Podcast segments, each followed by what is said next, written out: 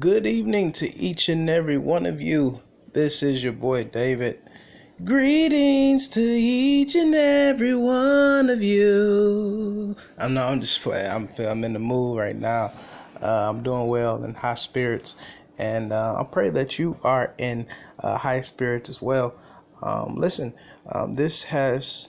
Uh, this is a um, opportune time to um, just get on and share a word of encouragement. And that word of encouragement um, today is know that you are where you need to be in order for you to get to your destiny. Know that you are where you need to be in order for you to get to your destiny. In spite of if where you are right now is uncomfortable, if you are in a pressurized, stressful um, circumstance, know that this very position that you are in is the very place where you need to be in order to get to destiny. And uh, that should be encouraging um, because should allow you to know that where you are today, it will not always be like this. Where you are right now, it won't always be like this because time, circumstance, all the things change as frequent as the seasons change. So if you're in a place right now where um, it's uncomfortable, it's uh, an unlikely place. It's a place in which you don't feel that you are deserving to be in, or or you may be in a great place. Just just know that right now is the moment in which uh, allows you, affords you the opportunity to better yourself, to grow through where you are, and to continue to find out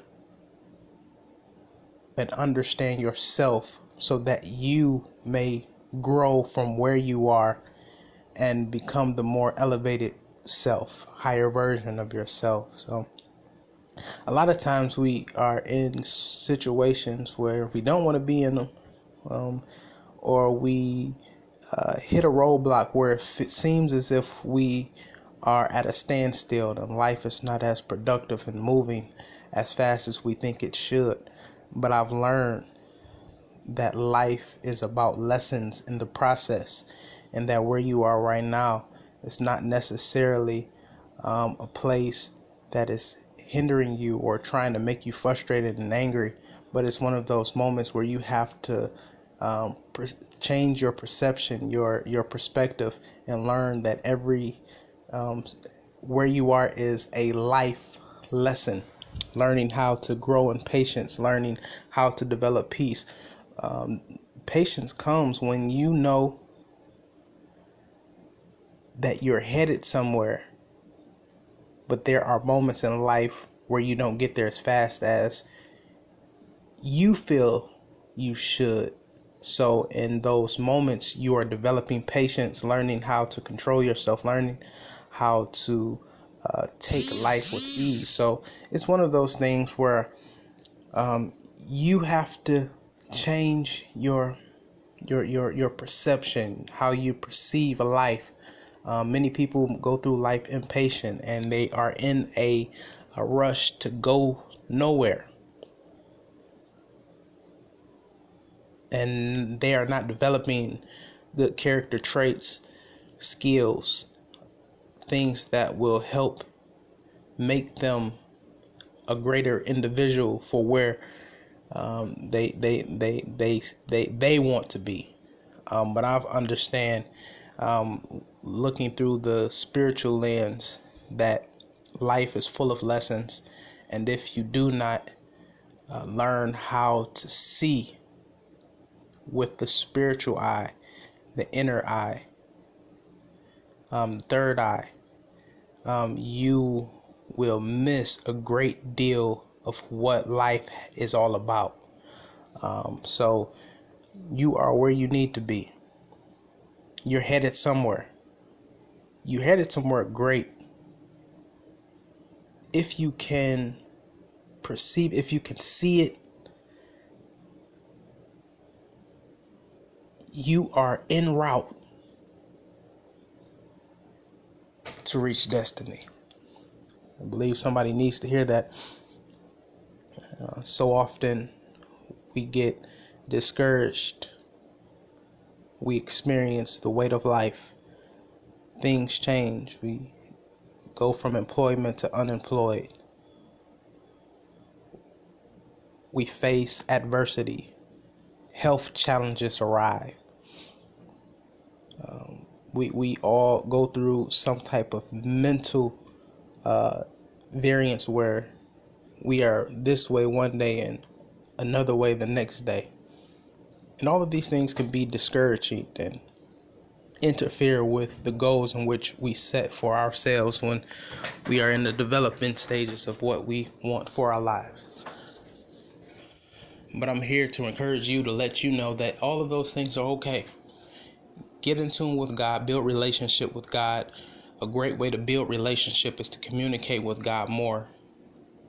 Pray, meditate, spend time listening to your inner self, spend time seeking God who is the universal God, He who created the heavens and the earth, He who knows your substance and He knows the end from the beginning, the Creator. When you think about manufacturing, think about manufacturing company that produces a product. Nobody knows that product better than the manufacturer. The manufacturer for humanity is God. So therefore you spend time with the manufacturer, you spend time with God so that God may reveal to you um, the the route in which He wants you to take, the things He wants you to do, the people He wants you to engage with, the places He wants you to live in. The the, the so you you you build relationship with your manufacturer. You build relationship with God. You speak to Him more. You pray. You meditate. You uh, find time to read His Word and do some critical thinking on His Word. Don't just look at the word and try to do some historical background and get a better understanding of God's word. Seek people who has an understanding of God's word. Ask questions, be in pursuit. Always ask, always seek, always knock, and the things of life shall be given unto you, added unto you. If you are willing to set out on a journey and always stay in the way of life, moving in the direct, moving with the flow uh, of life and never sitting in one space too long to the point where you have given up the journey. You are where you need to be in order to reach your destiny. Always stay in communication, stay in community. Continue to reach out. Continue to have your hand to reach out and help others. Experience life share your experience with others, and always look to invest in yourself so that you may become a greater version of yourself and that you may share yourself with others so the world uh, can become a better place. Love yourself first. You love yourself first. You can effectively and successfully love someone else. You don't love yourself, then it's going to be hard. You're going to struggle with building relationships with other people. How do you love yourself more? Care about yourself, maintain yourself, clothe yourself, feed yourself well, take care of your temple, um, groom yourself to the point where these are all things that you do to uh, make sure that you are maintaining sustaining your self ability. Love on yourself, take yourself out. And then you are more susceptible to show love to other individuals you feel you you you see towards your own needs then you will be able to identify and see the need in other people without them even having to tell you because you know about yourself and you know the things that you like therefore you can help other people to become better versions of themselves because you know how to love self I just wanted to get on for a moment. Stayed on too long. Uh, I pray that this message has blessed you in some shape, form, or fashion, and that you begin to love on yourself and know that you are where you need to be. Continue to aim high. Continue to dream. Love and movement strength. All right, peace.